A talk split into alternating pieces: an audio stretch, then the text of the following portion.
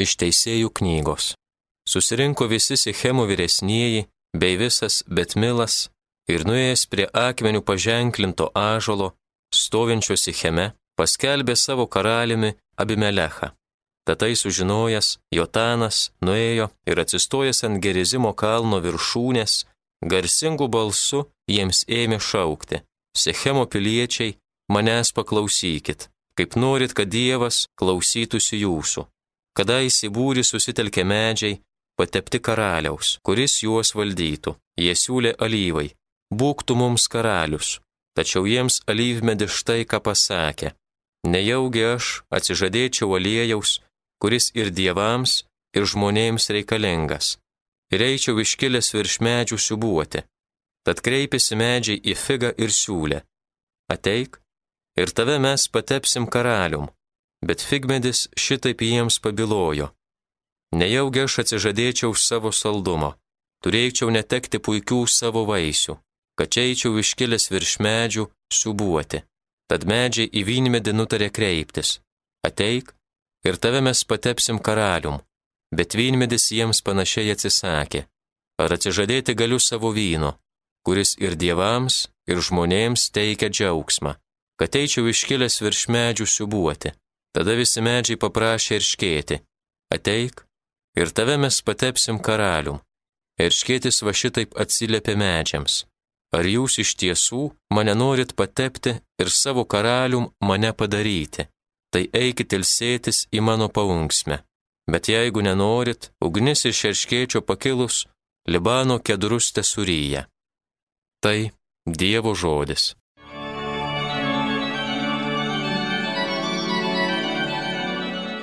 Viešpatie, džiaugiasi valdovas tavo galybę.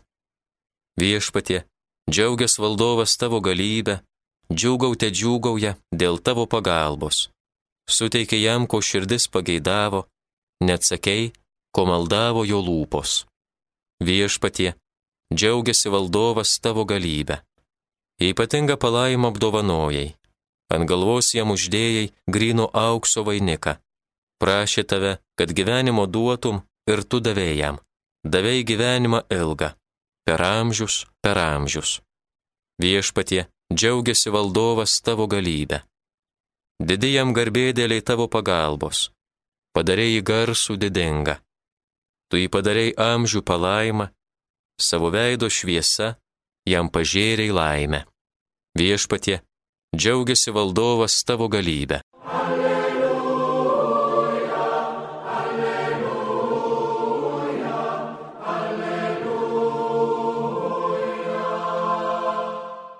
Dievo žodis yra gyvas, veiksmingas. Jis teisė širdies sumanimus bei mintis. Alleluja, alleluja, alleluja. Iš Ventosios Evangelijos pagal Matą. Anu metu Jėzus pasakė savo mokiniams palyginimą Su dangaus karalyste yra panašiai kaip su šeimininku, kuris anksti rytą išėjo samdytis darbininkų savo vienogynui. Susiderėjęs su darbininkais po denarą dienai, jis nusintė juos į savo vienogyną. Išėjęs apie trečią valandą, jis pamatė kitus stovinčius aikštėje be darbo Jis tarė jiems, eikite ir jūs į mano vienogyną, ir kas bus teisinga, aš jums užmokėsiu. Jie nuėjo. Ir vėl išėjęs apie šeštą ir devintą valandą, jis taip pat padarė.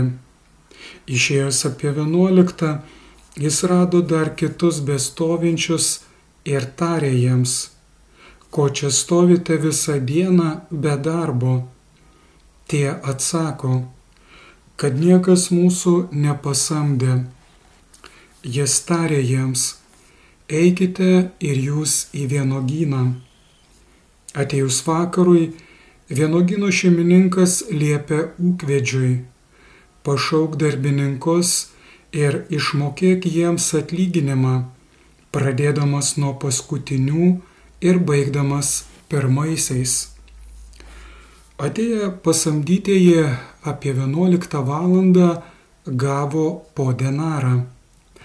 Prisertinė pirmieji mane daugiau gausia, bet irgi gavo po denarą.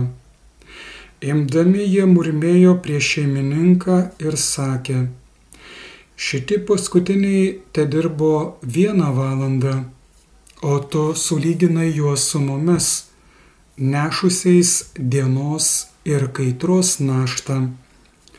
Bet jis vienam atsakė, bičiulė, aš tavęs neskriaudžiu. Argi ne už denarą susidėrėjai su manimi? Imk, kas tavo ir eik savo.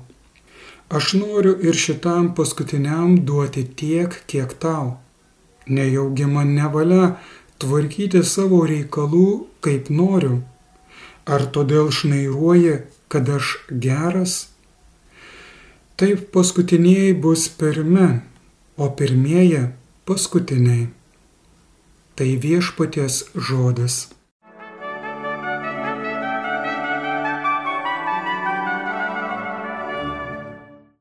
Klausimą dėl atlygio iš tikrųjų jau buvo iškėlęs apaštalas Petras. Štai mes viską palikome ir sekame paskui tave. Kas mums bus už tai? Tai užmokesčio paremtas mąstymas, nieko nesiskiriantis nuo senovės Romos šventyklose kabėjusio įrašo do ut des duodu, kad ir tu duotum. Tada Jėzus jį nuramino.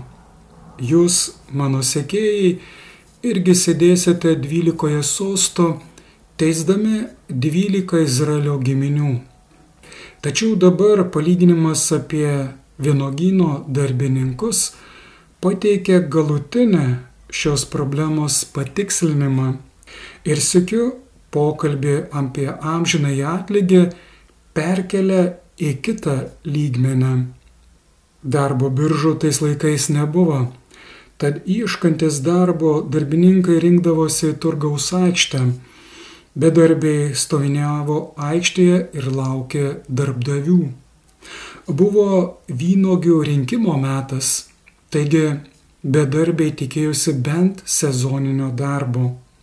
Įprastinė dienos darbo kaina buvo vienas denaras, sidabrinė beveik 4 gramų romėnų moneta. Pirmieji samdiniai pasamdyti anksti rytą turėjo dirbti visą dieną. Atėjus vakarui, jie galėjo tikėtis sudėrėto denaro. Po kelių valandų vyno gyno šeimininkas išėjo ieškoti papildomos darbo jėgos. Matyt, darbo buvo daug. Tad šeimininkas samdinių dairėsi vidurdienę, paskui po pietų ir pagaliau vakarop. Vieni samdiniai dirbo visą dieną, kesdami dienos karštę, kiti tik keletą valandų, o paskutiniai vos vieną valandą. Ir visi gavo tą patį atlyginimą - vieną denarą. Kažkas lieka maloniai nustebintas šeimininko dosnumu, tačiau yra ir pasipiktinusių jo poelgių.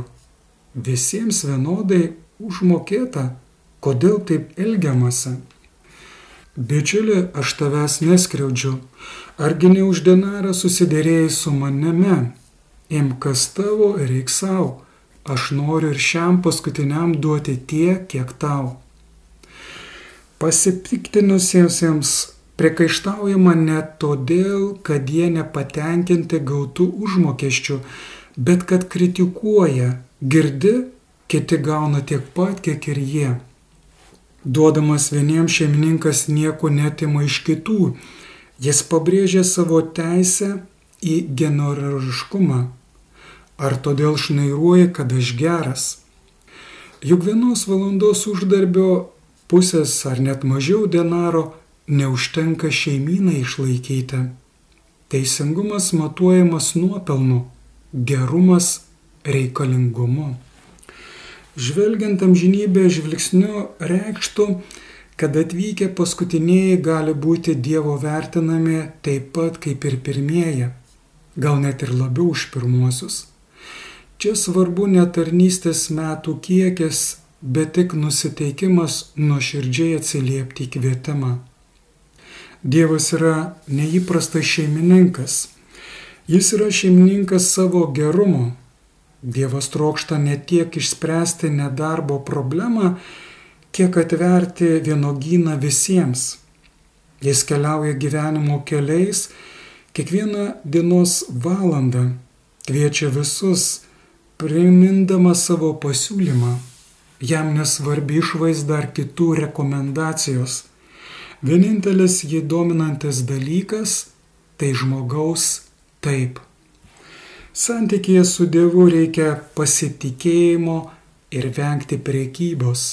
Kai su Dievu priekiaujama, į pirmą vietą pastatomi atlikti darbai. O teisingame religijos santykėje pirmenybė teikiama dovanojančiam Dievo veikimui žmogaus atžvilgiu, o ne žmogaus veikla Dievui. Tikras darbininkas pagal Dievo širdį yra tas, kuriam nerūpi atlygis, kuris džiaugsmą randa galėdamas darbuotis dėl Dievo karalystės. Mes galime būti puikūs darbininkai, tačiau pavydus arba, kaip sakoma palyginime, šnairuojantis.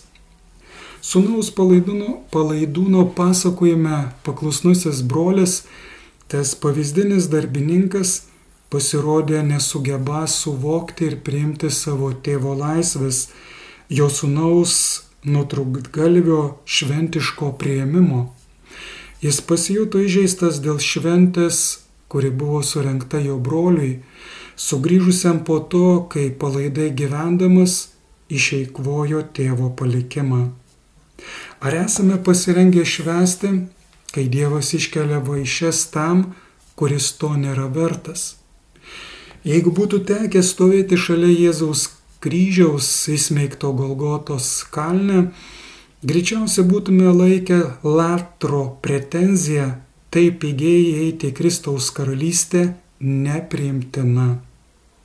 Begalinis Dievo gailestingumas turi vienintelį priešą - pavydą, šnairuojančią akį. Neleiskime, kad pavydas, pyktas, kitos merkimas užvaldytų mūsų širdį. Nes laukdami amžinojo gyvenimo, kaip teisėto atlygio už savo nuopelnus, arba lygindami mūsų nuopelnus su kitų nuopelnais, prarandame galimybę nustepti dėl šeimininko dosnumo.